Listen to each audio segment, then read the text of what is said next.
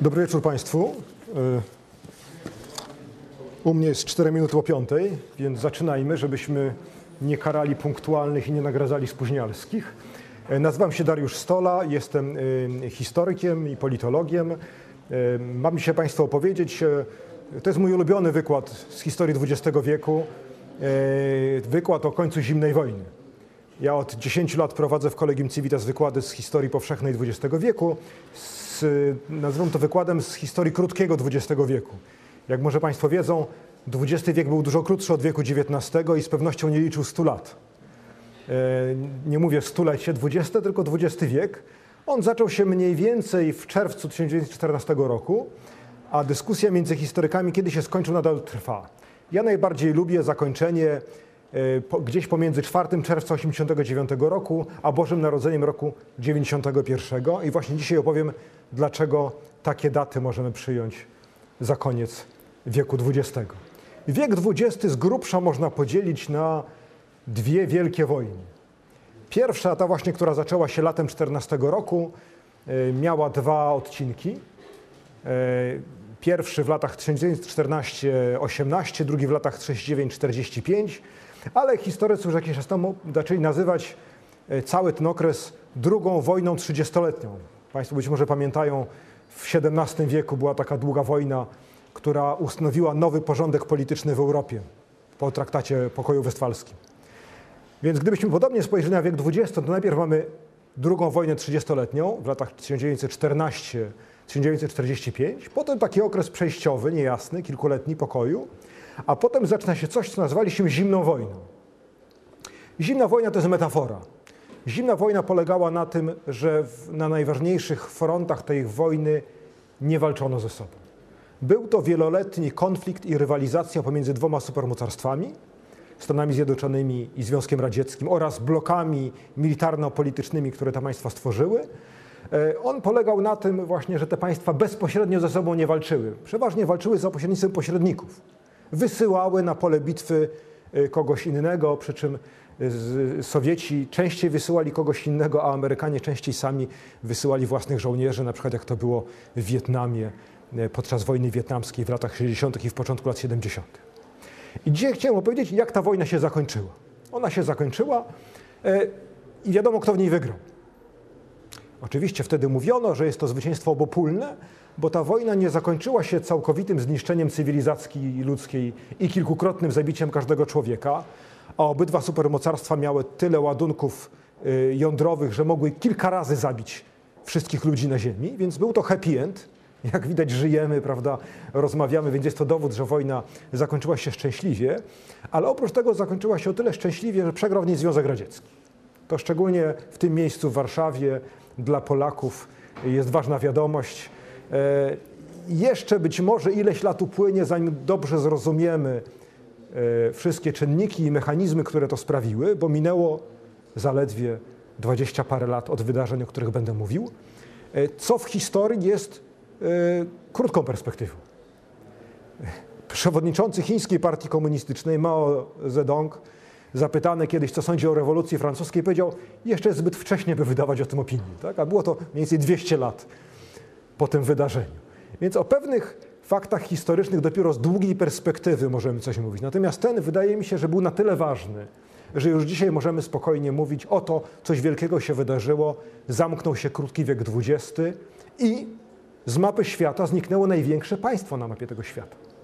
Związek Radziecki, największy terytorialnie, nieludnościowo, posiadacz największej liczby głowic atomowych, największej armii lądowej, największych wojsk pancernych na świecie i jeszcze w księdze Guinnessa był wykazywany pod wieloma względami. Do pewnego momentu przodował też w rankingu na najbardziej krwawego zbrodniarza jako głowę państwa, a był nim niejaki Józef Stalin. Więc choćby z tego powodu historia, o której dzisiaj opowiem, była happy endem. Wydarzyło się to bardzo szybko.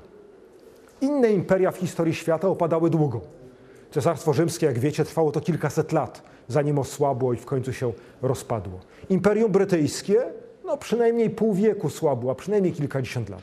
A Związek Radziecki, który jeszcze w połowie lat 80. był rzeczywistą groźbą dla świata zachodniego i nie tylko, który jeszcze w 1983 roku nieomal rozpoczął wojnę światową, opacznie rozumiejąc sygnały wywiadowcze o manewrach NATO prowadzonych w tym czasie w Europie Zachodniej, już na Boże Narodzenie 1991 roku zniknął. Po prostu zniknął. I można by powiedzieć, że zniknął bez jednego wystrzału, ale to byłaby nieprawda. Trochę jednak postrzelano. E, niemniej, jak na tak olbrzymie imperium, było to zniknięcie nadzwyczaj pokojowe i spokojne. I jak to się stało? Miłośnicy teorii spiskowych powiedzieliby, że oczywiście stał ten spisek. Ale zaręczam Państwu, że wielkie rzeczy w historii nie mogą się wydarzyć w wyniku spisku. Są zbyt zło... Świat jest zbyt złożony. Teorie spiskowe są po prostu sposobem tłumaczenia złożonych rzeczy ludziom, którzy nie są w stanie przyjąć rzeczy złożonych. Ja przez lata opowiadałem bajki moim dzieciom i zauważyłem, że w historii dla dzieci bohaterowie muszą być spersonalizowani. Nie może być bajka o indeksach giełdowych, tak? albo proporcji pomiędzy siłami nuklearnymi, bo to są pewne abstrakcje. To muszą być jakieś postacie. Smok, rycerz, król. Gdybyśmy próbowali napisać spiskową historię tej historii, to powiedziałbym tak.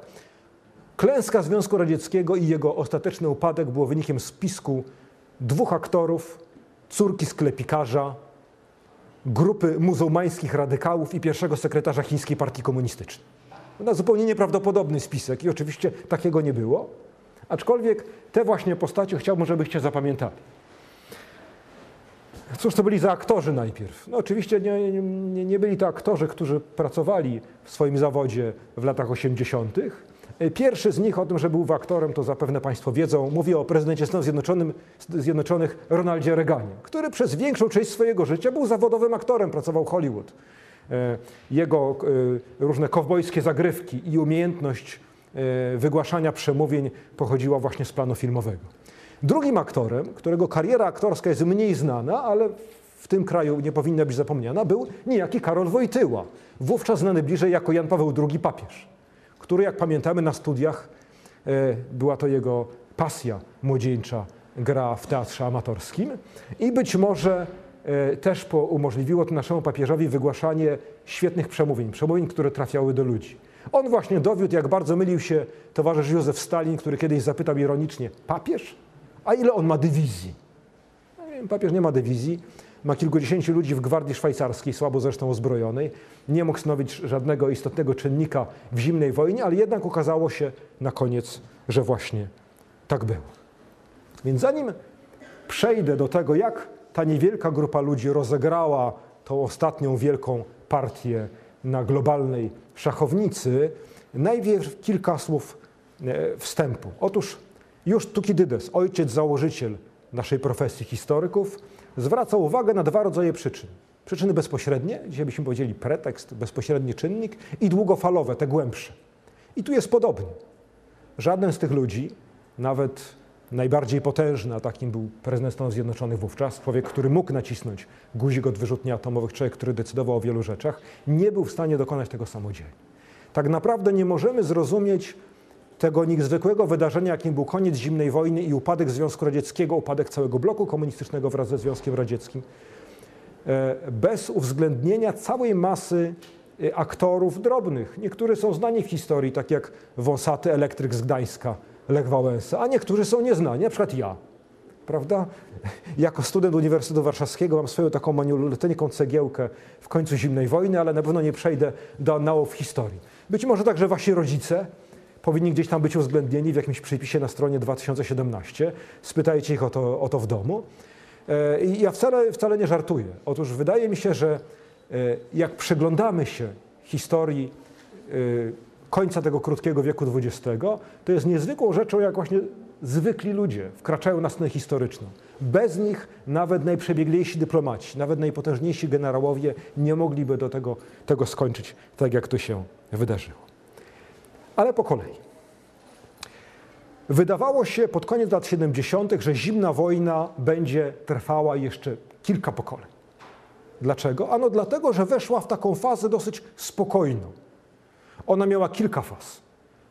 Najbardziej dramatyczną w początku lat 50., kiedy trwała wojna koreańska i świat był na granicy konfliktu globalnego, także konfliktu nuklearnego.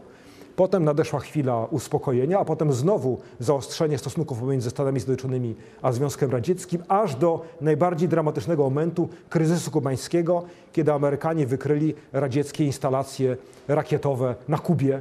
Zaledwie kilka minut lotu rakiety od Nowego Jorku, Waszyngtonu, to było tak, jakby przystawić Amerykanom pistolet do głowy, prawda? Nie mieliby już czasu nawet na to, żeby ukryć prezydenta w jakimś podziemnym schronie. Wtedy udało się to załagodzić i wtedy właśnie supermocarstwa zrozumiały, że ryzyko wybuchu wojny nuklearnej w sumie z błahego powodu jest zbyt wielkie, żeby ryzykować życie całego świata, a w szczególności swoje własne, tak? Tak zapewne myśleli przywódcy radzieccy i amerykańscy, dla jakiejś nieistotnej przyczyny. To był początek myślenia o tym, jak zapobiec niepożądanemu wybuchowi wojny. Bo oczywiście Obydwa supermocarstwa zachowywały władzę i prawo do tego, żeby wywołać wojnę w pożądanym dla siebie momencie. Ale jak uniknąć wojny niepożądanej? Zaczęły się rozmowy, negocjacje, potem pewne traktaty międzynarodowe, które miały zmniejszyć ryzyko wybuchu wojny. Zaczęło się od rzeczy bardzo prostej przeciągnięcia bezpośredniego łącza telekomunikacyjnego między Białym Domem w Waszyngtonie i Kremlem w Moskwie. Bo podczas kryzysu kubańskiego okazało się, że jak prezydent Kennedy i Chruszczow chcieli rozmawiać, to nie mieli jak musieli dookoła przez pośredników, tracąc długie minuty. Tak zwana gorąca linia, tak naprawdę był to dalekopis, to nie był telefon, służyła bezpośredniemu kontaktowi właśnie na wypadek, gdyby działo się coś złego, takiego jak podczas kryzysu kubańskiego. Następne kroki to były ograniczenia zbrojeń atomowych, eksperymentów atomowych, na przykład w przestrzeni kosmicznej, aż wreszcie w roku 1972 podpisano bardzo ważne porozumienie dotyczące ograniczenia zbrojeń strategicznych, to znaczy rakiet przenoszących głowice nuklearne pomiędzy tymi dwoma supermocarstwami. Jak Państwo spojrzą na tą mapę, ja przepraszam, że ona jest y, po angielsku, ale właśnie takie wydobyłem teraz z internetu. Zobaczycie, mamy na czerwono olbrzymi Związek Radziecki, prawda, ten największy kraj na świecie. Trochę bledsze są jego państwa satelickie, największe Polska w Europie Środkowej i Wschodniej. I w takim kolorze onegdaj pomarańczowym mamy Chiny. Do pewnego momentu Chiny były częścią bloku komunistycznego. Były sojusznikiem Związku Radzieckiego i wtedy blok komunistyczny obejmował większą część Euroazji i znaczną część ludzkości. Ale to się zmieniło w drugiej połowie lat 60., kiedy komuniści chińscy i radzieccy zaczęli się kłócić o to, kto tak naprawdę jest lepszym komunistą i kto powinien e, i na jakich zasadach przewodzić w bloku komunistycznym. Było to jedno, a być może najważniejsze wydarzenie w okresie zimnej wojny, które sprytnie rozegrali Amerykanie. Widząc rozdźwięk pomiędzy Chińczykami a Sowietami, zachęcili Chińczyków do współpracy. I w początku lat 70. stała się rzecz zupełnie nieprzewidywalna. Prezydent Stanów Zjednoczonych wylądował w Pekinie i ściskał się ze swoim wrogiem, przywódcą komunistycznych Chin. Dlaczego? Ano dlatego, że po tym fakcie Związek Radziecki musiał nad granicą chińską trzymać dodatkowo 30 dywizji z obawy przed chińskim atakiem. Świat nadal był dwubiegunowy, bo były dwa, tylko dwa supermocarstwa. Tutaj Wam dodam definicję. Supermocarstwo to nie jest tylko państwo, które ma wielkie siły zbrojne i broń atomową. Nie, to, nie, to jest za mało. Supermocarstwo to jest takie mocarstwo, które ma siły zbrojne zdolne zadziałać w dowolnym punkcie kuli ziemskiej. To znaczy ma siły powietrzne i marynarkę wojenną zdolną przewieźć te siły zbrojne w dowolny punkt kuli ziemskiej. Więc takie państwa były dwa, a teraz być może jest już tylko jedno. W każdym bądź razie w tej historii zimnej wojny w latach 60. mamy z jednej strony coś, co potem nazwano détente z francuskiego, odprężenie, rozluźnienie napięcia, ocieplenie atmosfery, a z drugiej strony spór radziecko-chiński, który doprowadził do rozłamania bloku komunistycznego. Coś, o czym Amerykanie marzyli. Sowieci czując się zagrożeni przez Chińczyków i Amerykanów równocześnie, a Amerykanie właśnie gojąc rany po przegranej wojnie wietnamskiej i głębokim kryzysie wewnętrznym, w który ta wojna wpędziła społeczeństwo amerykańskie, oraz po aferze Watergate, która zakończyła się odejściem prezydenta w niesławie, byli w dużo mniej bojowych nastrojach niż w latach 60. Dlatego właśnie lata 70. to jest szczytowy okres detente, porozumienia, rozmawiania, pokojowego współistnienia nie chodziło o to, że się kochamy. Nie, nie. Nadal obydwie strony wiedziały, że są wrogami, ale wiedziały, że jakoś muszą żyć. I żeby żyć, należy rozmawiać, należy unikać nieopatrznych ruchów swoimi siłami zbrojnymi, należy, jeśli to będzie tylko możliwe, te zbrojenia ograniczyć. Zaczęło się od komunikacji, potem były traktaty, włącznie z tym traktatem SOLT, ale uwaga, to nie był traktat rozbrojeniowy. On tylko ustalał limity liczby rakiet różnego rodzaju, które obydwie strony mogły posiadać. Żadnych rakiet jeszcze nie niszczono. Ustalano tylko, że będzie ich nie więcej. Także do faktycznego rozbrojenia był jeszcze kawałek drogi. Temu były poświęcone długotrwałe, męczące negocjacje, które przez całą dekadę lat 70. trwały, dotyczące drugiego takiego traktatu, SOLD II. Podpisano go pod koniec dekady, ale już nigdy nie wszedł w życie. I tu właśnie dochodzimy do początka czegoś, co niektórzy historycy nazywają drugą zimną wojną. Nie chcę robić Państwu zamieszania w głowach, ale mamy tą główną zimną wojnę, która trwa mniej więcej od 47, 9 roku, wtedy się zaczyna, kończy się współpraca Amerykanów i Rosjan jako sojuszników w wojnie przeciwko Niemcom i zaczyna się ich konkurencja jako przywódców dwóch wrogich bloków militarno-politycznych. To jest ta długa, zimna wojna, która skończyła się pod koniec lat 80., ale wewnątrz niej mamy różne podokresy. Tą najbardziej gorącą w latach 50., potem ocieplenie, kryzys kubański, jak mówiłem, pewne ocieplenie detente, które trwa przez lata 70. i potem pod koniec lat 70. detente rozpada się, dochodzi do plajty detente. Nadzieje położone w detente zawiodły, zwłaszcza zawiodły Zachód. Zaczyna się okres, który nazwano drugą zimną wojną. Przyspieszenia wydatków militarnych, wyścigu zbrojeń, nasilenia konfliktu i konkurencji w różnych punktach kuli ziemskiej. Tutaj, jak widzicie, y, blok komunistyczny opanował dużą część kontynentu euroazjatyckiego. Pamiętajcie, że Europa to jest taki mały cypelek na końcu Euroazji tak naprawdę. I tutaj mamy Kubę. Bardzo ważną właśnie dlatego, że jest pistoletem przyłożonym do głowy Amerykanów. Kompromis osiągnięty po, po kryzysie kubańskim sprawił, że Sowieci wycofali stamtąd broń nuklearną. W zamian za to Amerykanie wycofali pewne rakiety z Turcji od swojego sojusznika. One były też w rodzaju tego pistoletu. Niemniej obie strony zachowały lotnictwo strategiczne i zachowało e, rakiety balistyczne, czyli takie, które wchodzą na orbitę okołoziemską i uderzają w dowolny punkt Ziemi. W zasadzie o zimnej wojnie powinniśmy rozmawiać patrząc na Ziemię z punktu widzenia bieguna północnego. Dlaczego?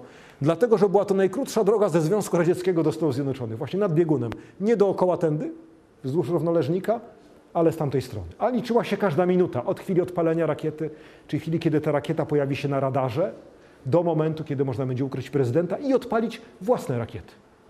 I tu właśnie dochodzimy, słuchajcie, do kluczowego składnika zimnej wojny i tego, co tą wojnę zabetonowało.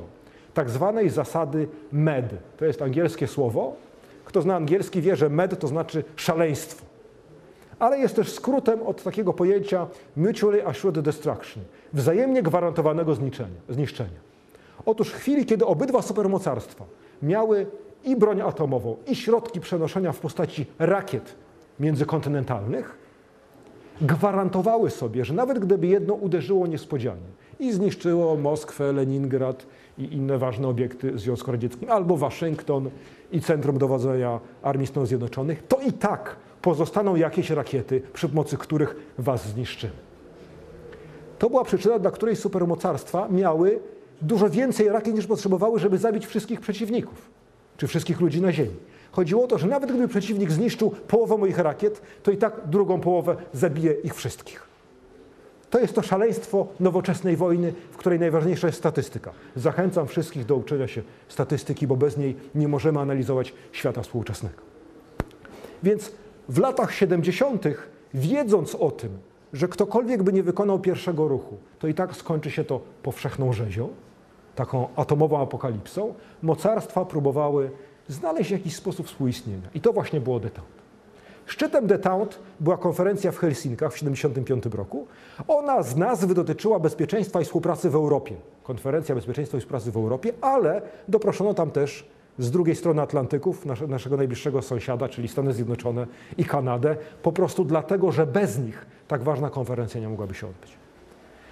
Interes, który ubito w Helsinkach, można by streścić tak.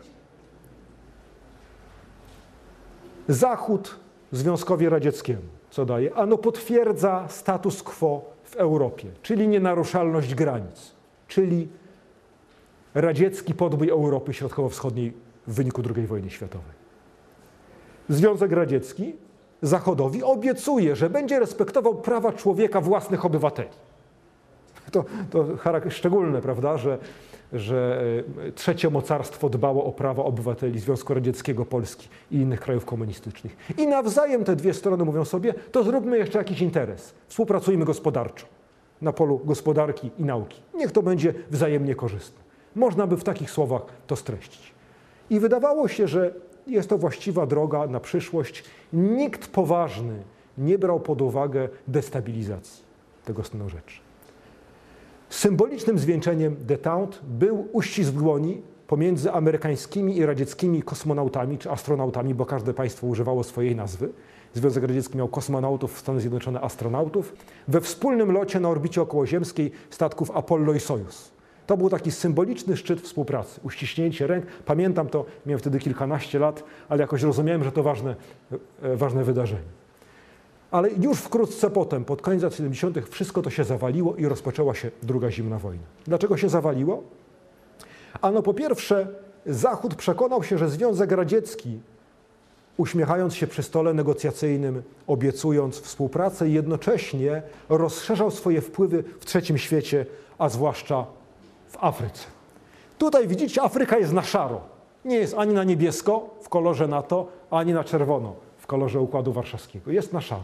W latach 70. Rosjanie, przepraszam, Sowieci, Rosja była tylko częścią Związku Radzieckiego i dzisiaj odziedziczyła po Związku Radzieckim arsenał nuklearny i swoje stanowisko w Radzie Bezpieczeństwa ONZ, zaczęli eksportować rewolucję albo też wspierać reżimy lewicowe, marksistowskie, proradzieckie w różnych krajach trzeciego świata. Dzięki czemu to było możliwe? Dzięki czemu w pewnym sensie Związek Radziecki mógł lepiej wykorzystać lata 70. niż Amerykanie. Otóż tu musimy się cofnąć do roku 73. Gdybym miał dzielić historię całej epoki powojennej od 45 do 91 roku na wskazać najważniejszy moment w tej historii, to powiedziałbym, że jest to kryzys gospodarczy roku 73.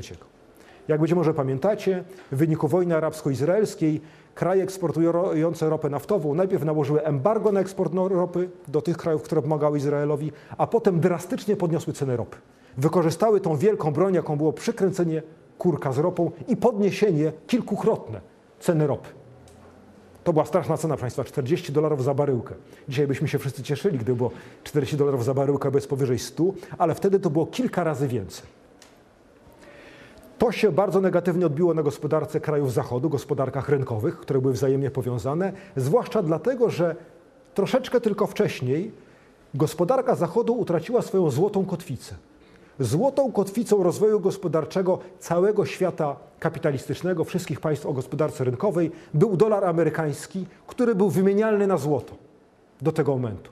Ale właśnie w początku lat 70. Stany Zjednoczone odeszły od zasady wymienialności na złoto. Coś, co było fundamentem Zachodu od roku 1944, od konferencji w Bretton Woods w Stanach, kiedy ustalono, jakie będą zasady wymiany walut pomiędzy głównymi krajami. Wymyślono też Bank Światowy, Międzynarodowy Fundusz Walutowy, instytucje, które istnieją do dziś, które je znacie. To się zmieniło. Połączenie tych dwóch wydarzeń wprowadziło Zachód w wieloletni okres recesji gospodarczej, stagnacji. To się bardzo negatywnie odbiło zarówno na gospodarce, jak i na nastrojach. Zarazem Amerykanie, między innymi z tego powodu, zakończyli wojnę w Wietnamie. Przegrali tą wojnę, po prostu musieli się wycofać, oddać Wietnam Południowy siłom komunistycznym z północy i po krótkim czasie komuniści opanowali całe Indochiny. O, ten półwysep, tam Państwo widzą, jest e, zaznaczony na, na pomarańczowo. Tymczasem Związek Radziecki ciągnął znaczne zyski ze wzrostu cen ropy.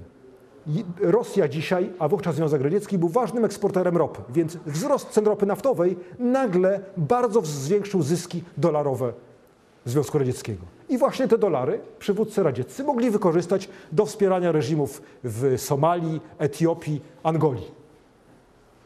Amerykanie zorientowali się po nie w czasie, w chwili kiedy tam lewicowe reżimy już były dosyć mocno okopane.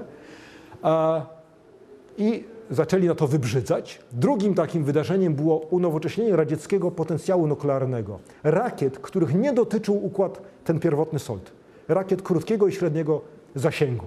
To były rakiety SS-20 ze strony radzieckiej, na co Amerykanie odpowiedzieli uzgodnieniami ze swoimi sojusznikami w Europie Zachodniej na temat wprowadzenia podobnych rakiet. Pershing i Cruz, lecących nisko bardzo trudnych do zestrzelenia, nie czasu na przygotowanie się do wojny. Takie rakiety zainstalowane w, w RFN mogły dolecieć do Moskwy w niespełna 10 minut. Prawda? To było trochę takie rozwiązanie jak to, jak to kubańskie e, w początku lat 60. Więc naruszona została pewna stabilność nuklearna, to można powiedzieć, że było u początku, ale nie tylko. Kluczowym momentem jest radziecka inwazja o NATO państwo Afganistan. Afganistan przez dłuższy czas miał rząd przyjazny Stanom Zjednoczonym, ale nie był włączany, nie był jeszcze frontem zimnej wojny. W 1978 roku doszło tam do przewrotu, nie, wspieranego przez Sowietów, e, lewicowego przewrotu. Niestety ci nowi lewicowi przywódcy nie mieli poparcia swojej ludności. Wybuchło tam coś w rodzaju wojny domowej, oni byli coraz słabsi. I w następnym roku nagle się okazało, że ta część świata, o właśnie tutaj, być może właśnie z niej wyjdą impulsy, które ten świat zdestabilizują. Po destabilizacji Afganistanu, z biegiem okoliczności, w następnym roku w Iranie zwyciężyła rewolucja islamska. Kraj, który był ważnym sojusznikiem Stanów Zjednoczonych, rządził tam Reza Pahlavi, szach, kupujący kraj był, znaczy może nie mieszkańcy, ale kraj był bardzo bogaty dzięki eksportowi ropy naftowej i kupował bardzo nowoczesną broń z zachodu. Więc e, e, nagle z sojusznika Stanów Zjednoczonych pojawiło się tam państwo wrogie Stanom Zjednoczonym, uznające Stany Zjednoczone za wielkiego szatana. Państwo, które do dzisiaj jest wielkim przeciwnikiem Stanów Zjednoczonych i Izraela, niemniej wcale nie bardziej przyjazne Związkowi Radzieckiemu z tych samych powodów. Rewolucja islamska, można powiedzieć, że jest początkiem czasów nam współczesnych. Otóż rewolucyjny duch, który dotknął także ludność Afganistanu, sprawił, że ten lewicowy rząd w Afganistanie mógł się utrzymać. Sowieci początkowo nie chcieli tam wchodzić. Wiedzieli, że to będzie krwawa wojna. Radzieccy dowódcy wyliczyli, że trzeba przynajmniej 75 tysięcy ludzi przerzucić. Nie byli tym zainteresowani. Ale rozchwianie tego rządu sprawiło, że zaczęli się obawiać, że powtórzy się sytuacja z Egiptu. który był przyjacielem Związku Radzieckiego w latach 50. i 60., dostał bardzo dużo sprzętu wojskowego, ale w pewnym momencie uznał, że Związek Radziecki mu nie pomoże, nie odzyska za pomocą Związku Radzieckiego terenów, które utracił w wojnie w Izraelem w 1967 roku i lepiej się zwrócić do Amerykanów. Sowieci przestraszyli się tego, że u ich granic wyrośnie kraj, który będzie bardzo bliskim przyjacielem Amerykanów. I wtedy zdecydowali się na inwazję. Był to wielki błąd. Opowiadał mi kiedyś znajomy archiwista rosyjski, jak podjęto tę decyzję. W archiwum biura politycznego jest taki świstek, taki kartka wydarta z zeszytu z napisem Padjełom A. W sprawie A chodziło o Afganistan. I kto z członków biura politycznego był za, a kto przeciw. Podjęto tę decyzję bez konsultacji z dyplomacją radziecką. W zasadzie tylko brano pod uwagę względy wojskowe. I to był wielki błąd. Dlatego, że Związek Radziecki zakopał się w czymś, co było ich Wietnamem. Prawda? Wszyscy wiemy, jak wiele kosztował Wietnam Stany Zjednoczone.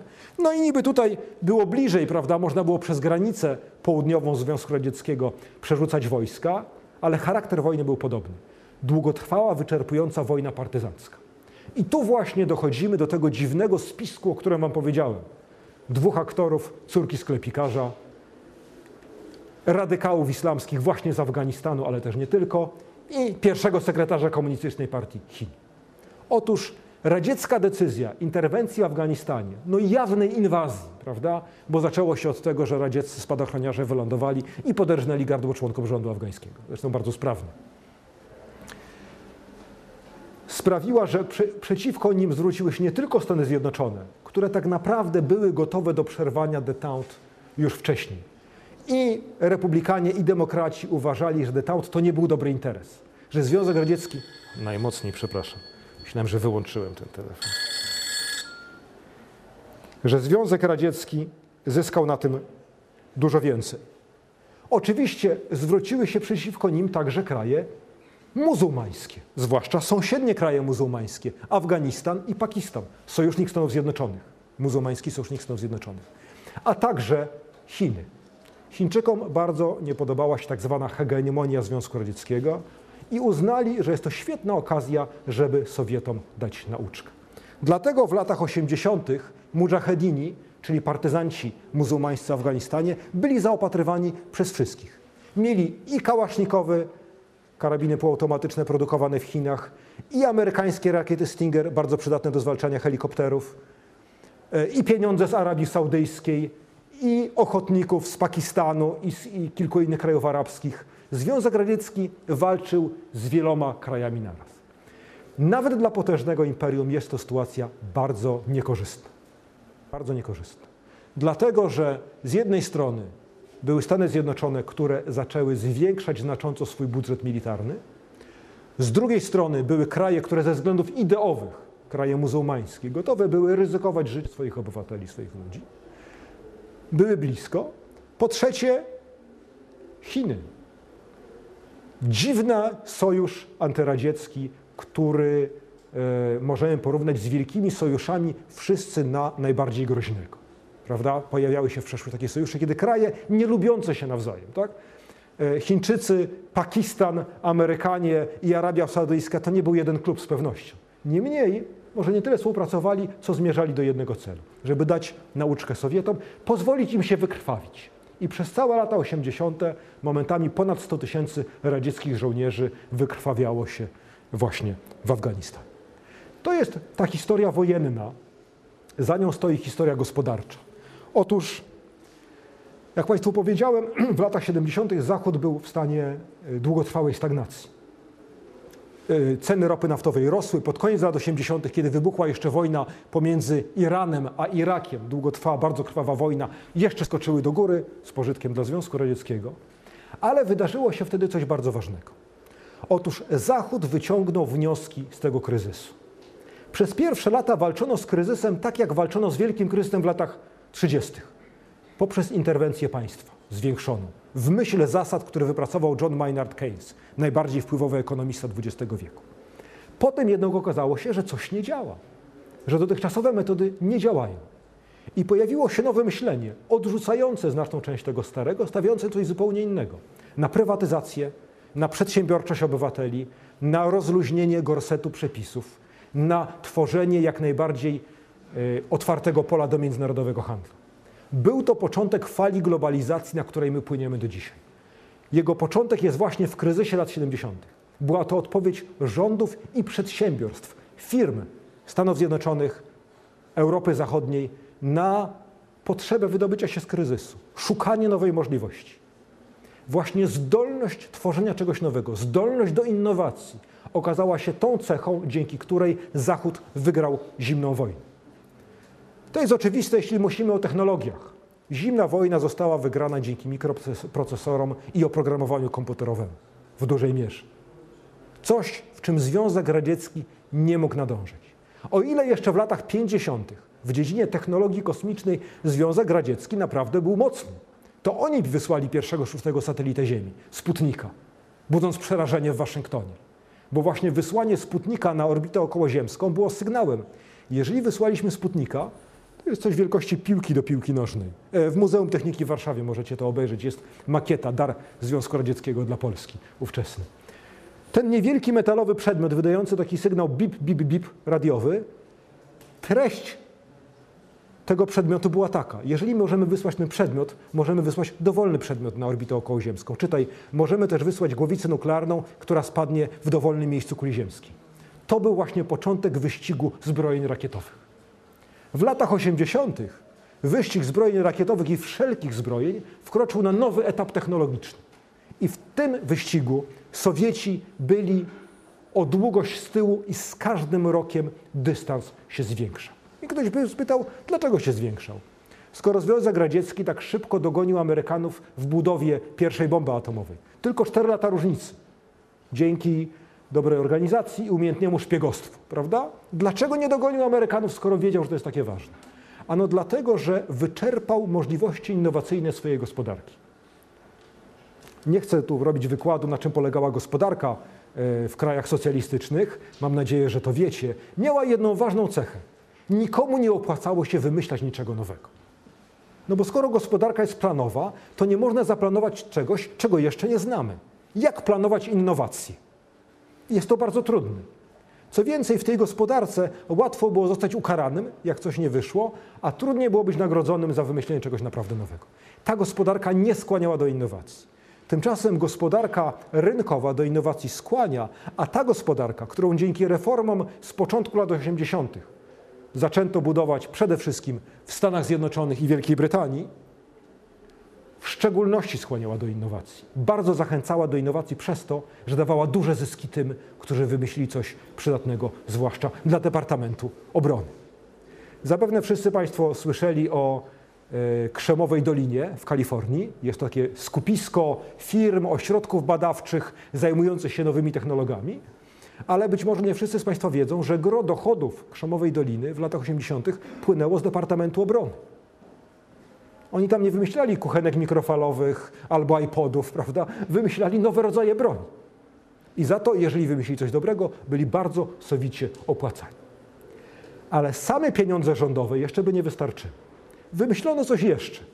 Coś, co ma angielską nazwę venture capital, czyli kapitał wysokiego ryzyka.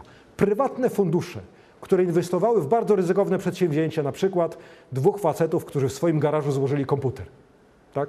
Być może wiedzą Państwo, o kim mówię o, o twórcach Apple'a, e, firmy, które inwestowały prywatne pieniądze i w ten sposób szansa na przyszłe zyski, czy to będzie od Departamentu Obrony, czy od jakiejś innej agencji rządowej, czy przez wymyślenie nowego produktu, były wystarczająco duże, żeby wielka rzeka pieniądza tam popłynęła.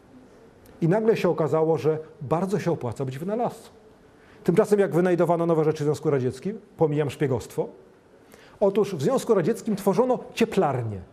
Dla naukowców tworzono specjalne wydzielone miasta, gdzie były lepiej zaopatrzone sklepy, lepsze mieszkania, ale nie mogli za to wyjechać za granicę.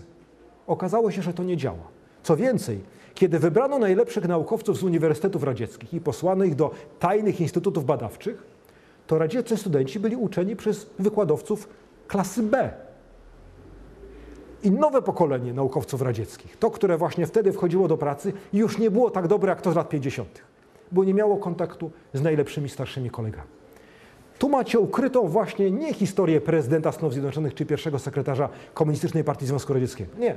Jest ukryta historia, która schodzi na uniwersytety, do prywatnych firm, a czasami do zwykłych ludzi, którzy mają dobry pomysł i w pewnych warunkach mogą go zrealizować, a w innych nie mogą go zrealizować. W moim przekonaniu był to najważniejszy wyścig lat 80.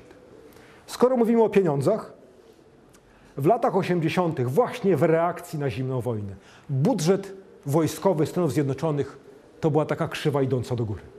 W latach 70. on spadł prawie o połowę po zakończeniu wojny wietnamskiej i wejściu w kryzys Amerykanie cięli budżet wojskowy. Wtedy, kiedy Rosjanie dzięki wpływom z ropy mogli go zwiększać.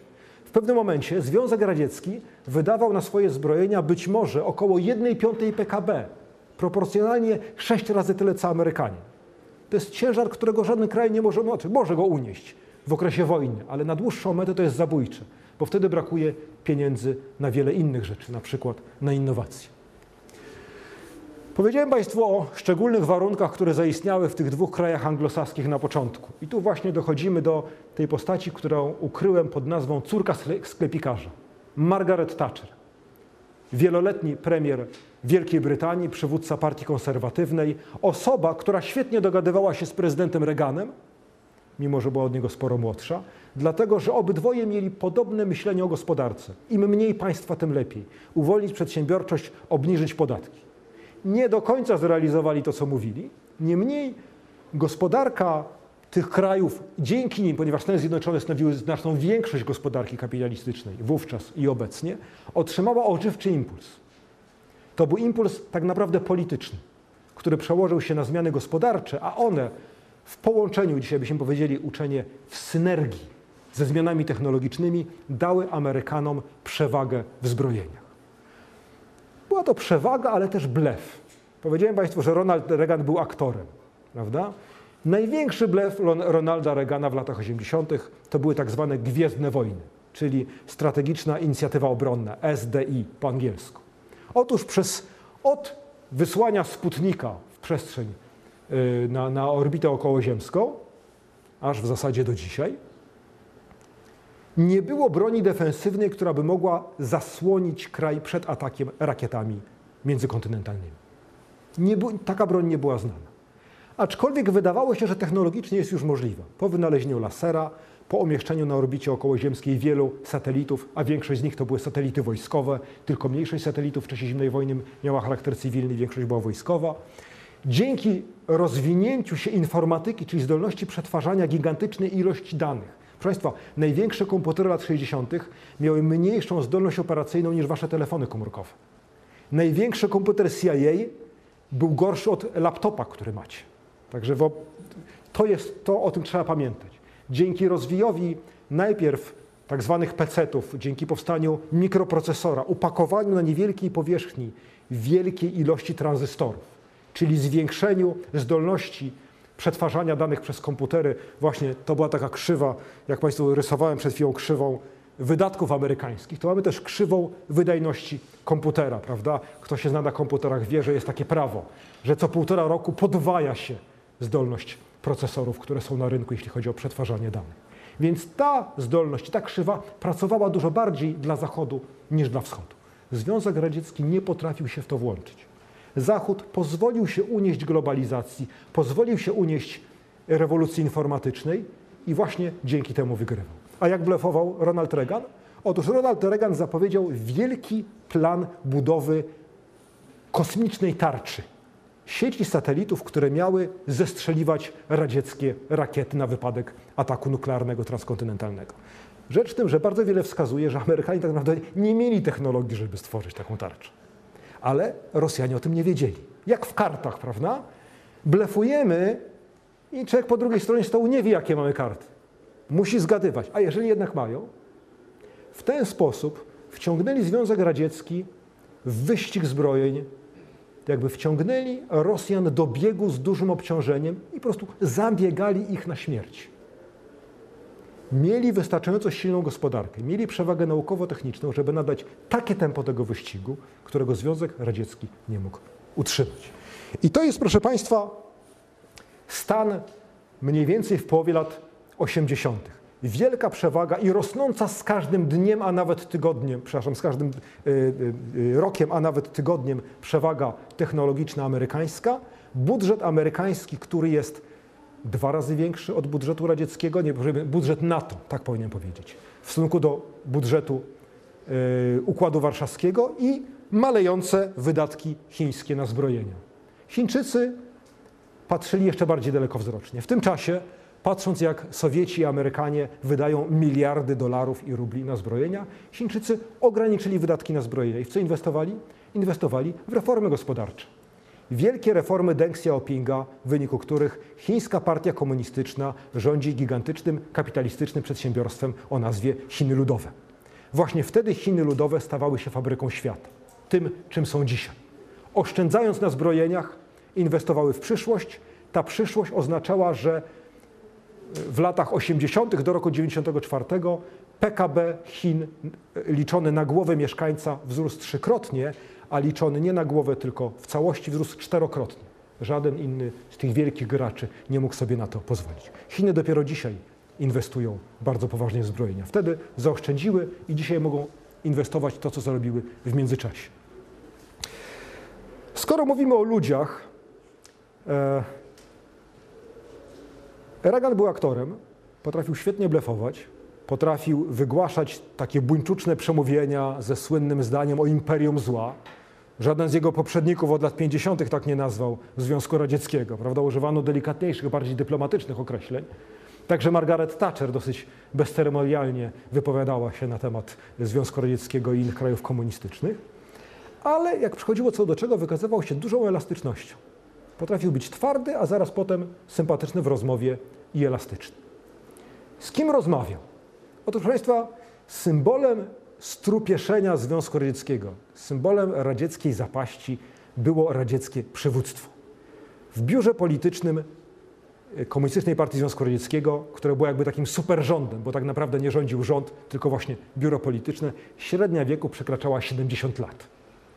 Leonid Breżniew, który rządził już prawie 20 lat od 1964 roku, był strasznie schorowany. Pamiętam z młodości dowcipy na temat że towarzysz dlaczego towarzysz Breżniew w tym roku jest dwa razy większy niż w roku, y, niż w roku ubiegłym podczas defilady na 1 maja? Ano dlatego, że Amerykanie wprowadzili embargo na mikroprocesory i musieli go przestawić na lampy. Był to człowiek bardzo chory, który na przykład podczas spotkania z Wojciechem Jaruzelskim tylko dlatego mógł przez 20 minut z nim rozmawiać, że wcześniej go nafaszerowano lekami. I ten mężczyzna odpowiadał za guzik atomowy. Był głową największego mocarstwa na świecie, tak w sensie kontynentalnym. Dożył swoich dni w listopadzie 1982 roku i w jego miejsce wybrano, no troszkę młodszego, miał chyba 76 lat, jeśli się nie mylę, Jurija Andropowa. Człowieka jednak o klasę lepszego. Dlaczego? Dlatego, że był szefem HGB, radzieckiego wywiadu, miał dużo lepsze rozeznanie w świecie.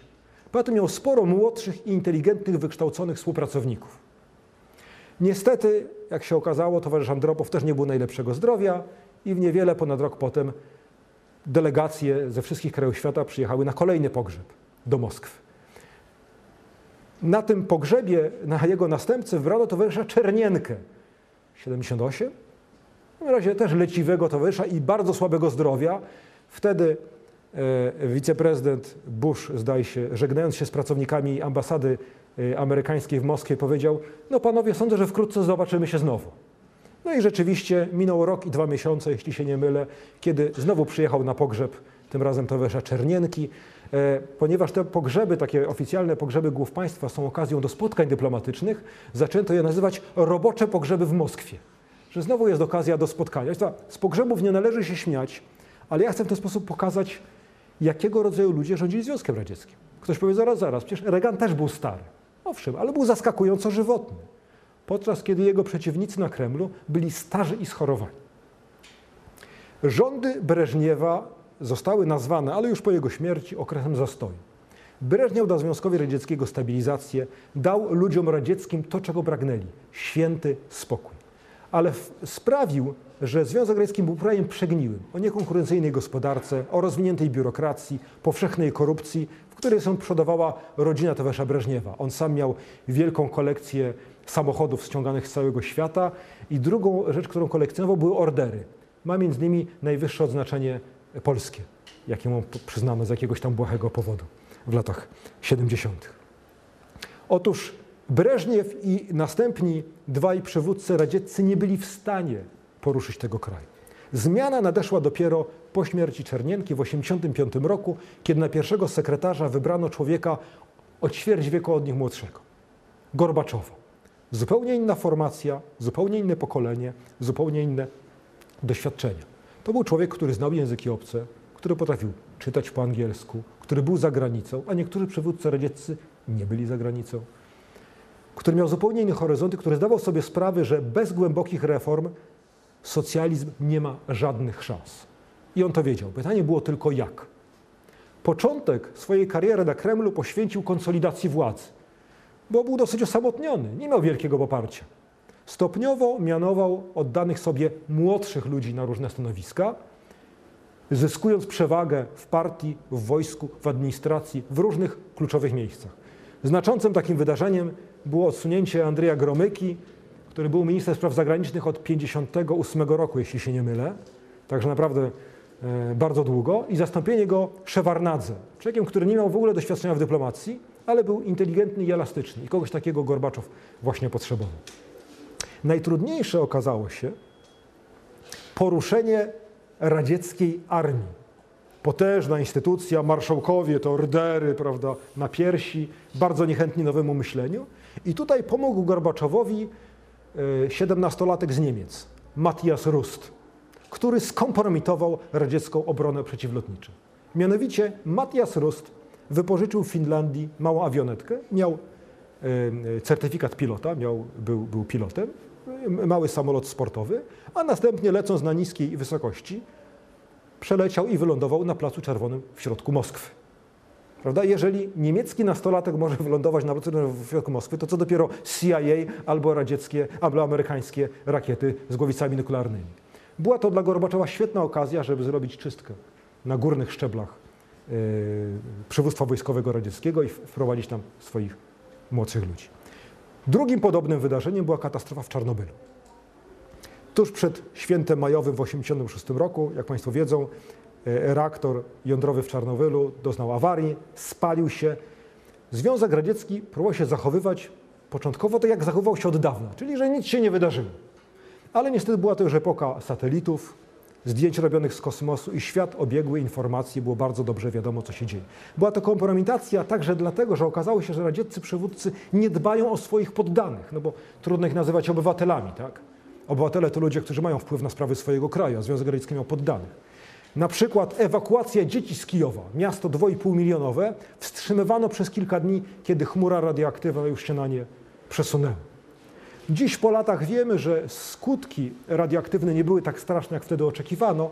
Niemniej była to kompromitacja dla Związku Radzieckiego. Ona się zbiegła bardzo nieszczęśliwie. Otóż Związek Radziecki właśnie rozpoczynał wielki program zwiększenia udziału energii pochodzącej z reakcji jądrowej w całości gospodarki. Miano zmniejszyć zużycie węgla i innych paliw kopalnych i zwiększyć użycie tej taniej energii, jaką jest energia jądrowa. Po awarii w Czarnobylu to oczywiście było niemożliwe. Tymczasem główne źródło e, radzieckich dochodów i, główne źródło radzieckiej energii, czyli ropa naftowa, na rynkach światowych skakała w górę na dół, a potem jej cena opadła. Wydawało się, że Związek Radziecki ma pecha. No, jak to ceny na rynkach światowych raz idą w górę, inne raz spadają, trudno.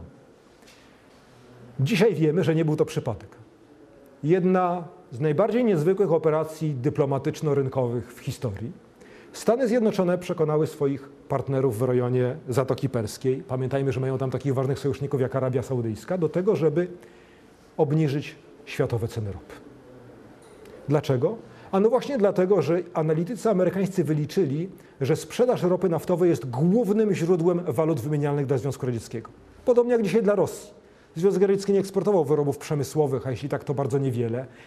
Żywność importował i głównym źródłem twardej waluty, tak zwanej wówczas, była ropa. Spadek cen ropy oznaczał zaciągnięcie sznura na radzieckiej gospodarce.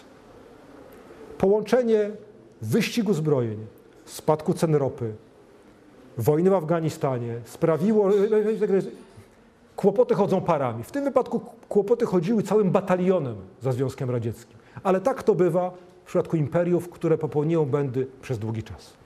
Gdybym miał jakoś w jednym zdaniu zawrzeć, skąd się te wszystkie błędy brały, to by sięgnął po takie pojęcie, które wymyślono analizując imperia kolonialne. Otóż, kiedy Imperium Brytyjskie obejmowało jedną czwartą ludności Ziemi, okazało się, że jest nim bardzo trudno zarządzać, że jest zbyt wielkie, żeby nim dobrze zarządzać. To się nazywa po angielsku overstretch. Nie znam dobrego odpowiednika, można powiedzieć, że się nadrozciągnęło. Jak się ktoś tak rozciąga, żeby trzymać jak najwięcej, w pewnym momencie coś mu tu strzyknie, prawda? Więc Związek Radziecki próbował utrzymać więcej, niż go było stać. I wielką armię lądową, i nowoczesne siły nuklearne, i wspomaganie reżimów prosowieckich w Afryce, i utrzymywanie wojsk w Europie Środkowej, i jeszcze nawet popieranie towarzysza Jaruzelskiego w Polsce. Wszystkiego naraz nie dało się zrobić. I Gorbaczow to wiedział. Gorbaczow chciał po pierwsze zreformować radziecką gospodarkę. Zdawał sobie sprawę, że przewaga technologiczna i gospodarcza Amerykanów zwiększa się z każdym rokiem, bo gospodarka radziecka była w stagnacji. Zresztą wszystkie gospodarki bloku radzieckiego były w stagnacji już od pewnego czasu. Więc jeżeli jedna rośnie, a druga się nie zmienia, no to z każdym dniem powiększa się przewaga tej pierwszej. Próbował reform. Nazywało się to pieriestrojka, czyli przebudowa, dosłownie po rosyjsku. Chodziło nie o to, żeby Związek Radziecki zniszczyć, nie, tylko żeby go poprawić. Ale co się okazało? Że nawet jak wychodzi pierwszy sekretarz KCK PZR, najważniejsza osoba w państwie, i mówi, towarzysze, reformujemy, to co się dzieje? Nic się nie dzieje. Związek Radziecki był już tak strupieszały, biurokracja była tak okopana na swoich pozycjach, że nie chciało jej się niczego zmieniać. No bo po co? Po co coś zmienić, jak mnie, szwagrowi i koledze jest dobrze? Nie było powodów do zmiany. Patrząc na to, a także patrząc na to, co się działo po Czernobylu, jakby dostrzegając lepiej naturę swojego kraju, Gorbaczow zrozumiał, że jedyny sposób na reformy gospodarcze prowadzi poprzez reformy polityczne, poprzez potrząśnięcie tą biurokracją, wprowadzenie nowych sił, nowych impulsów do tego kraju od obywateli. I to nazwano głasność. Głasność po rosyjsku znaczy dosłownie przejrzystość, otwartość. Chodziło o większą otwartość w polityce większą przejrzystość działania administracji państwowej. Połączenie tych dwóch rzeczy to jest właśnie program reformatorski Gorbaczowa w drugiej połowie lat 80. I można powiedzieć, częściowo mu się udało. Znaczy zapoczątkował reformy polityczne, które uruchomiły takie siły, które rzeczywiście rozbiły tą strupieszałą strukturę Związku Radzieckiego. Ale rozbiły ją razem ze Związkiem Radzieckim. I teraz możemy, proszę Państwa, przejść do finału. Otóż finał, jak w każdej dobrej sztuce, polega na tym, że postaci z różnych kolejnych scen schodzą się. I tutaj właśnie scena końcowa, są to ostatnie lata, koniec lat 80. XX wieku. Pojawiają się aktorzy, o których Państwu mówiłem. Aktor Ronald Reagan, wówczas chwilowo prezydent Stanów Zjednoczonych, Karol Wojtyła, wówczas Jan Paweł II i wierni mu Polacy w pewnym kraju nad Wisłą, mujahedini w Afganistanie, którzy bezlitośnie atakują radzieckie oddziały, wspierani przez innych muzułmanów i przez pierwszego sekretarza Komunistycznej Partii Chin, a także same Chiny jako rosnąca potęga gospodarcza, której Związek Radziecki boi się coraz bardziej. Prawda? Uświadamia sobie, że 30 dywizji stojących nad granicą chińską któregoś dnia to będzie za mało. I wewnątrz Związku Radzieckiego Gorbaczow i ludzie mu podobni, ci, którzy chcą zmian, bo wiedzą, że inaczej ten kraj się nie uchowa. Wszystko to połączone razem, wszystkie te postaci, kiedy zbierają się na scenie, powstaje coś takiego, co można by nazwać zbiegiem okoliczności, koincydencją, że coś współwystępuje. Gdyby Gorbaczow przed 7 lat później, albo gdyby jakieś inne ważne wydarzenie się nie wydarzyło, być może sprawy by się potoczyły inaczej. Ale historia polega właśnie na zbiegach okoliczności, na koincydencji. Sztuka męża stanu polega na tym, żeby je przewidywać. To jest myślenie strategiczne. Gdzie rośnie prawdopodobieństwo, że zajdzie coś niedogodnego albo coś nam przychylnego? Na co należy uważać? Myślenie o dwa kroki na zapas, tak jak w szachach. Przywódcy radzieccy nie myśleli o tym w latach 70. i w latach 80. zbierali tego żniwo. Gorbaczow próbował swój kraj uratować, ale doprowadził go do upadku. Widząc, że nie poruszy gospodarki radzieckiej, postanowił dojść do porozumienia z Amerykanami. Kilka razy spotkał się z Reaganem e, w Reykjaviku, ale najważniejsze spotkanie miało miejsce w Waszyngtonie pod koniec 1987 roku. Te pierwsze spotkania, wiele przy nich nie osiągnięto, ale okazało się, że mogą rozmawiać. Nawet nieźle się rozumieją. Natomiast w Waszyngtonie w 1987 roku doszli do porozumienia dotyczącego największej redukcji zbrojnej w historii zimnej wojny. Postanowili mianowicie w całości zlikwidować te rakiety krótkiego i średniego zasięgu, które już były rozmieszczone w Europie. W całości. To były tysiące e, pocisków, które potem pod okiem kamer telewizyjnych niszczono i znacząco ograniczyć inne rodzaje broni. Związek Radziecki tak naprawdę poszedł na daleko idące ustępstwa. Na przykład zgodził się na inspekcję swoich baz wojskowych. Na coś, na co nie zgadzali nigdy wcześniej. Zresztą Reagan przekonał go rosyjskim powiedzeniem dawieraj, no prawie raj. Ufaj, ale sprawdzaj. Prawda? Tak, ufamy sobie nawzajem, ale sprawdzimy, czy rzeczywiście postępujecie zgodnie z tym, co tutaj żeście właśnie podpisali. Związkowi Radzieckiemu pozwoliło to na wielkie oszczędności w wydatkach zbrojeniowych, niezbędne, żeby uruchomić na nowo gospodarkę. Ale Amerykanie wcale nie obcięli swoich wydatków zbrojeniowych ich przewaga rosła z każdą chwilą. Co więcej, to co Gorbaczow uruchomił wewnątrz Związku Radzieckiego i wewnątrz całego bloku radzieckiego, okazało się już nie do zatrzymania. Jesteśmy w miejscu, gdzie rozegrała się bardzo ważna epizod, bardzo ważna scena z tej historii. Otóż Polska pod rządami Jaruzelskiego w końcu lat 80. miała być czymś w rodzaju laboratorium pierestrojki. Przywódcy radzieccy postanowili, że lepiej będzie niektóre reformy przetestować na jakimś mniejszym kraju, na przykład na Polsce albo na Węgrzech. I zachęcali i przywódców w Warszawie, i w Budapeszcie do daleko idących reform gospodarczych i politycznych. Ci przywódcy w Warszawie wiedzieli, że reformy gospodarczej nie zrobi się bez kompromisu z opozycją. I tu dochodzimy do okrągłego stołu, a potem do wyborów 4 czerwca 1989 roku. To był początek końca. Polska, jak kostka domina, poruszyła następne kostki i do końca roku zniknęły rządy komunistyczne w Europie środkowo-wschodniej, za wyjątkiem Albanii, ale to już nie był blok radziecki. E, podobne impulsy rozchwiały Związek Radziecki. Litwini, Gruzini, Ormianie, a potem Ukraińcy zaczęli domagać się niepodległości. W ciągu dwóch lat wewnętrzne rozchwianie Związku Radzieckiego doprowadziło do jego upadku, a ostateczny cios Związkowi Radzieckiemu zadali nie Amerykanie, nie Polacy, nie Ukraińcy, nie Gruzini, tylko sami Rosjanie. Tak jak Związek Radziecki pod koniec lat 80. przestał gwarantować spoistość bloku radzieckiego. Gorbaczow powiedział wprost, że tak zwana doktryna Breżniewa już nie obowiązuje. Doktryna Breżniewa to jest wymyślone w 1968 roku po inwazji na Czechosłowację wojsk Układu Warszawskiego taka zasada, że Związek Radziecki ma prawo pomóc każdemu krajowi socjalistycznemu, który ma kłopoty. Czytaj, ma prawo wysłać swoje czołgi tam, gdzie to uzna za stosowne, w granicach swojego bloku. Był to fundament władzy komunistów i w Polsce, i na Węgrzech, i w Bułgarii, i, i w Czechosłowacji, i w NRD. W chwili, kiedy Gorbaczow to odwołał, okazało się, że jesteście towarzysze zdani na samych siebie. To było to, co zrozumiał Jaruzelski i dlatego poszedł na kompromis z opozycją. Na tej samej zasadzie w początku lat 90. Rosjanie przestali chronić Związek Radziecki. Pojawili się nowi przywódcy rosyjscy, przede wszystkim Borys Jelcyn, którzy zrozumieli, że Związek Radziecki jest dla Rosji balastem. Że chwili, kiedy dochodzi do walk narodowościowych i w Uzbekistanie, i w Azerbejdżanie, i na Pribałtyce, w republikach bałtyckich, chwili, kiedy Ukraińcy zaczynają się buntować, to jest za dużo kłopotów. Lepiej jest ocalić silną Rosję, niż rozpaść się razem z całym Związkiem Radzieckim. Bez przekonania niektórych przywódców rosyjskich, że Rosja da sobie radę lepiej bez Związku Radzieckiego, bez tego balastu, Związek Radziecki by się tak szybko nie rozpadł.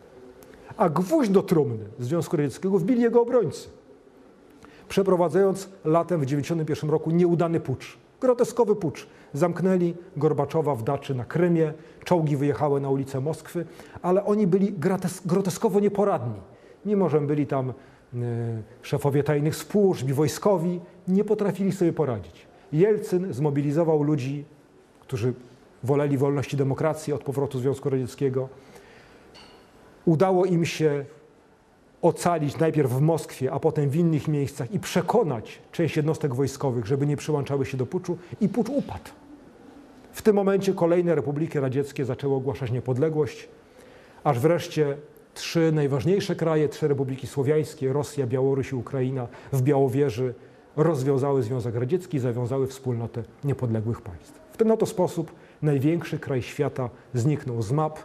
Na maszt przed Kremlem wciągnięto flagę rosyjską zamiast flagi radzieckiej i przynajmniej na jakiś czas porządek światowy z dwubiegunowego stał się jednobiegunowy. Bardzo Państwu dziękuję za uwagę. Zostawiłem specjalnie dużo czasu na pytania, dlatego że jak zauważyliście, moja historia była niezwykle ogólna. To jest trochę tak, jak kiedyś miałem wykład dla obcokrajowców w 45 minut 1000 lat historii. E, koniec zimnej wojny dosyć dobrze przebadany. To jest historia współczesna w tym sensie, że ona nadal jest obecna. Jej skutki widzimy do dzisiaj. One są e, także w waszym życiu, nie tylko w moim, prawda? Ja byłem jej świadkiem jako, jako student Uniwersytetu Warszawskiego, ale e, jest obecna także w waszym życiu. Także mam nadzieję, że będziecie mieli różne dziwne pytania do mnie, na które spróbuję odpowiedzieć. Bardzo proszę. Słuchajcie, jestem uzależniony od pytań, jak nie słyszę, to mi potem ręce drżą. Tak. Bardzo proszę. Znaczy, ja się spóźniłem, więc nie wiem, czy to nie było poruszane, ale y, jeśli chodzi o przewagę technologiczną Rosjan nad Mhm. Amerykanami, to czy zdarzył się taki właśnie, bo gdzieś kiedyś czytałem, że przez chwilę byli mocniejsi pod względem technologicznym ogólnie, czy tam nie wiem, komputerowo, czy coś, czy, czy coś takiego się rzeczywiście zdarzyło? Znaczy, Czy jakieś dwa lata, pięć może.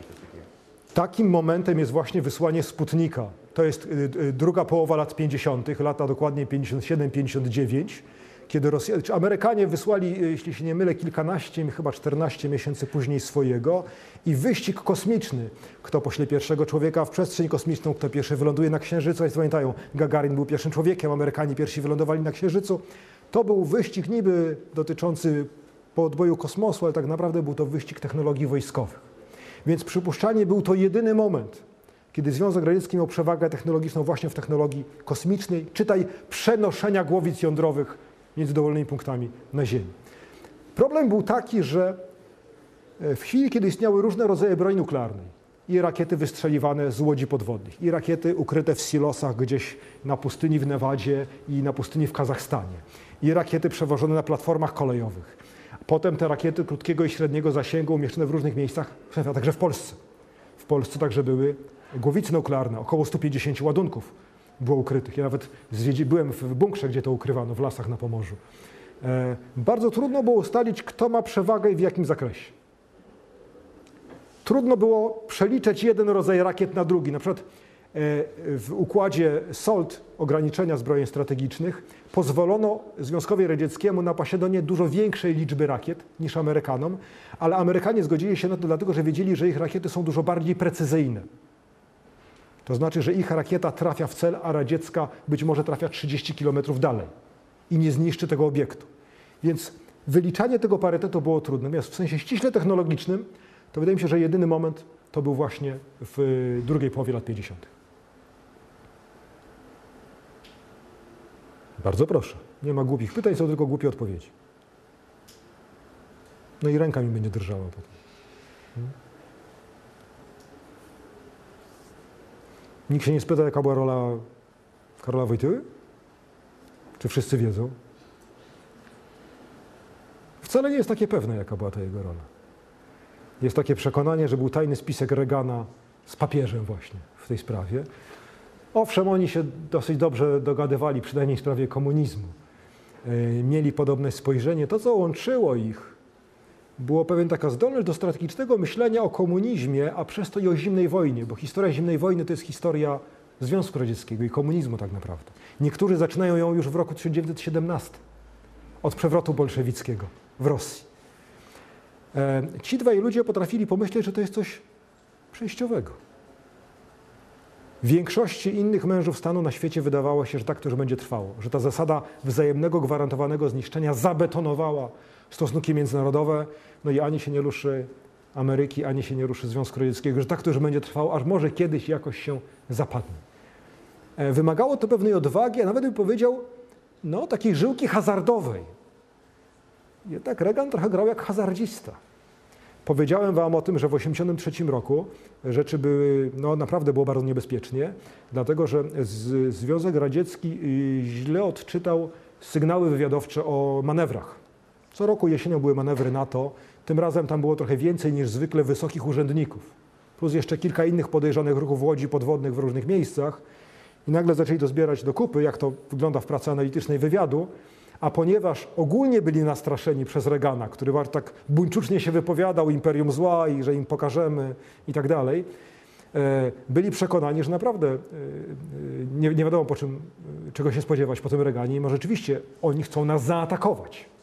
Więc postawiono w stan podwyższonej gotowości. Na szczęście udało się to jakoś załagodzić, bo kiedy dwa wielkie mocarstwa czy dwa sojusze są w stanie wysokiej gotowości, to może być jakiś drobny, przypadkowy incydent, żeby z tego wybuchła najpierw potyczka, a potem wojna. To był naprawdę nerwowy moment. E, zresztą ofiarami tej nerwowo nerwowości było ponad 200 pasażerów koreańskiego samolotu zestrzelonego przez y, radzieckie siły powietrzne. Samolot przypadkiem wleciał w radziecką przestrzeń powietrzną i, i został zestrzelony. Y, y, Sowieci twierdzili, że to był tak naprawdę lot szpiegowski. Jest to sprytny wybieg Amerykanów. Raczej tak nie było, ale świadczyło to o nerwowości w czasie tej drugiej zimnej wojny. Wysokie wydatki na zbrojenia, przekonanie, że lada chwila coś się może wydarzyć, przekonanie obydwu stron, że pod jakimś względem ta druga strona ma przewagę, a także jeszcze coś – takie myślenie, co myśli sobie mój przeciwnik, wiedząc, że z każdym dniem jest słabszy.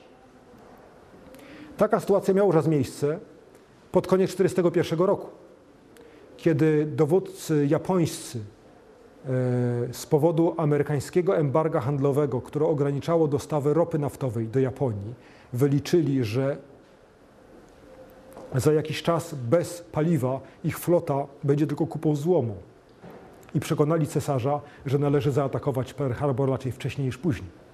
To było właśnie takie myślenie. Myślenie w warunkach zagrożenia często prowadzi do złych decyzji. Strach jest dobry do motywowania, wtedy się szybciej goni albo ucieka. Natomiast nie pomaga w myśleniu. Bardzo proszę. Troszeczkę z innej beczki, ale też zapraszając Pan było wspomnienie o generale Jaruzelskim. Jak Pan jako historyk oceniłby dzisiaj stan wojenny w Polsce?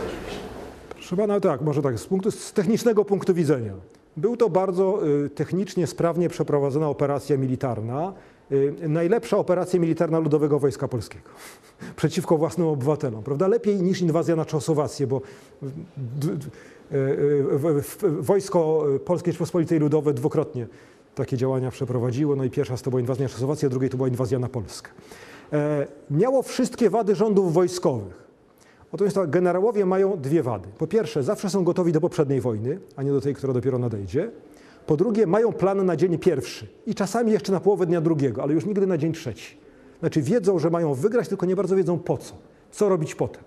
Owszem, generał Jaruzelski rozbił opozycję, uwięził w obozach y, internowania 10 tysięcy ludzi, y, zdezorganizował struktury Solidarności, y, ale nie miał pomysłu, co dalej zrobić z Polską. I tak naprawdę przegrał. Przegrał tylko 8 lat później. Jeśli pan pyta o to, czy generał Jaruzelski ratował Polskę, to powiem tak, jemu się tak mogło wydawać. Sowieci bardzo umiejętnie go nastraszyli, że chcą interweniować, ale dzisiaj wiemy, z pewnością nie chcieli w Polsce interweniować. To znaczy dokładnie od 6 grudnia ro- roku 80 z pewnością byli gotowi zgodzić się na bardzo wiele, byleby tylko nie musieć interweniować w Polsce.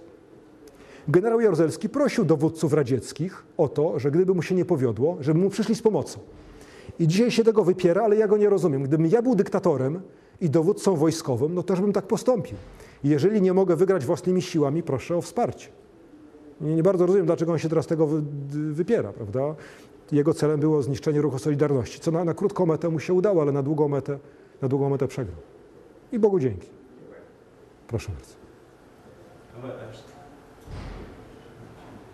Proszę bardzo, ma pan prawo. Yy, Właśnie pytanie jest trochę właśnie Solidarności i tak dalej. Jak to odbierali, czy w ogóle odbierali to Sowieci sami w sobie, czy raczej ludność z yy, Rosji i z innych państw bloku wschodniego, czy jakoś docierało do nich te, czy to było raczej tak, tak zatajone, że tylko nieliczni wiedzieli ci tam bardziej obecni. Mhm, mhm. Otóż zadał Pan bardzo ważne pytanie, bo ono dotyczy nie tylko Solidarności, ale, tylko, ale w ogóle wiedzy, do, dostępu do informacji niekontrolowanej przez partię komunistyczną. Jak powiedziałem, że w latach 80. trwała rewolucja informatyczna, to tak naprawdę była to rewolucja informacyjna. Nie chodziło tylko o jakie są mikroprocesory i jakie jest oprogramowanie do tego. To było dużo więcej. Wraz z nimi już od lat 70.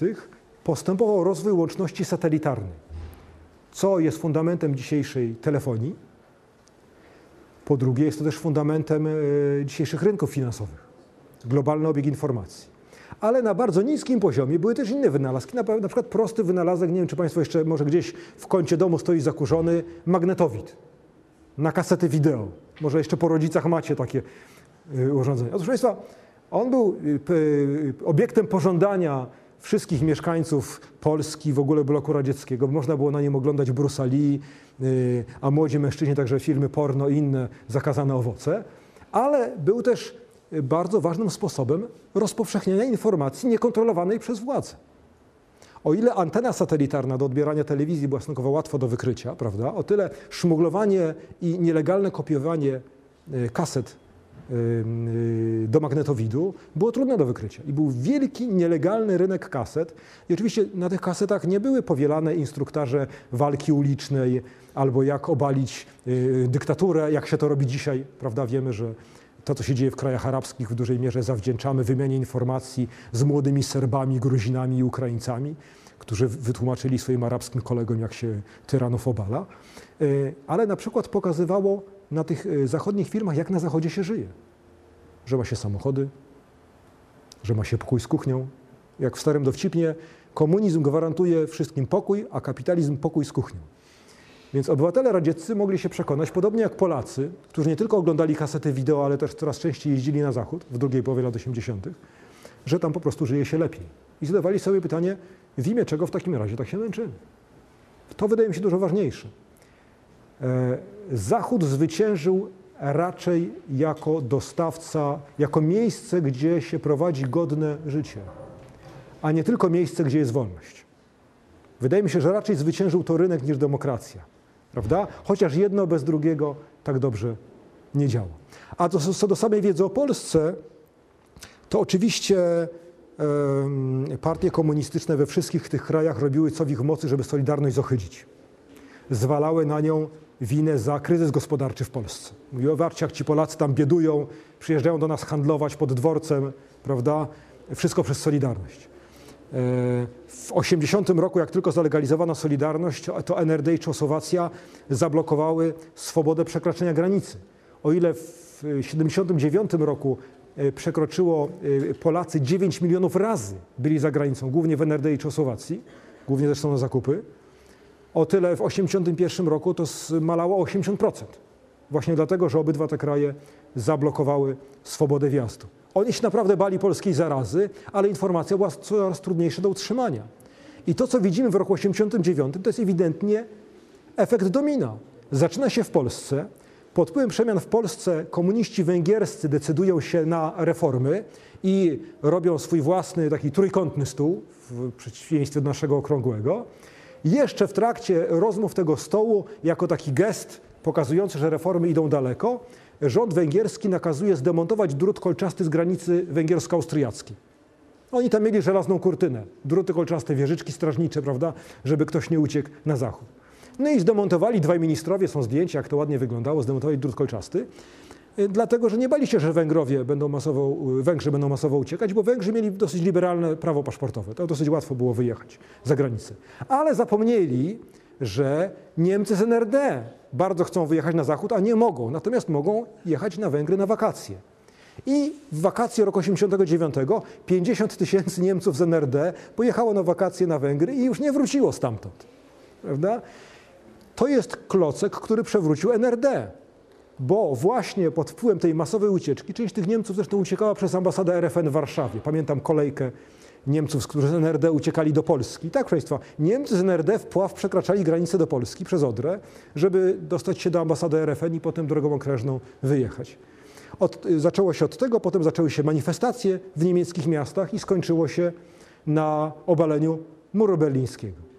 E, Zaraz potem, czy równocześnie z tym, demonstrowali Czesi i Słowacy, co doprowadziło do pewnego kompromisu i Václav Havel został głową Czechosłowacji. E, A na sam koniec roku doszło do rewolucji w Rumunii, już takiej prawdziwej rewolucji ze strzelaniem, z czołgami na ulicach i zabójstwem dyktatora i jego żony przez taki jakby trybunał rewolucyjny, zresztą zmanipulowany. To ewidentnie zasada domina notabene Zasady domina najbardziej bali się Amerykanie. Oni dlatego właśnie pojechali do Wietnamu, wysłali ponad pół miliona swoich żołnierzy do Wietnamu, bo się bali, że jak komuniści podbiją Wietnam, to potem padną kolejne kraje, Laos, Kambodża, Tajlandia i tak dalej, w całej Azji Południowej. No i to się w dużej mierze sprawdziło, bo Laos i Kambodża owszem padły, ale okazało się, że, że jakoś się z tym da żyć. O, to taka długa odpowiedź na krótkie, ale dobre pytanie. Proszę Państwa, jest tak, ja dziękuję za Waszą uwagę. Chcę Was zachęcić mimo to do zadawania pytań. Otóż y, mój mistrz, profesor Marcin Kula, który był promotorem mojej pracy magisterskiej i doktorskiej, zawsze nas zachęcał do zadawania pytań. Mówił, że dobre pytanie to jest połowa odpowiedzi. Jeżeli w przyszłości się zatkniecie z jakimś, jakimkolwiek problemem, czy w Waszej pracy, czy na studiach, pamiętajcie, dobre pytanie to podstawa. Dobre pytanie naprawdę to jest pół odpowiedzi, a złe pytanie prowadzi nas na manowce. Także warto ćwiczyć podczas takich wykładów, zadawać mi, czy następnym osobom, które będą Wam opowiadały o historii i o innych rzeczach. A na razie dziękuję Państwu i zapraszam na następne spotkanie.